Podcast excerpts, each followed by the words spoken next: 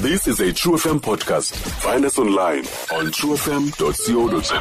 sizoncokola with the first woman president of trade union federation ikosatu usis zingiswa losi manikwamkele ku-truBreakfast miss losi Yo le alo msasazi kunjani? ndirayithi nkosi kakhulu ngethuba siphelo this morning sis losi before we can even talk about you know this monumental time apho wena you've been elected as the first woman president yekosatu khasichazele just a little bit about uzingiswa losi ukhulele phi and how did we get to this point Igama Losi. Ngikhulele eBhayi eMambozana eNew Brighton. Umama wabantwana ababili. Umamngwevu lona uzulu uqhomutha ngesifudula umhlatyana uzalwa ngumamshembe uqude nompafana othukela.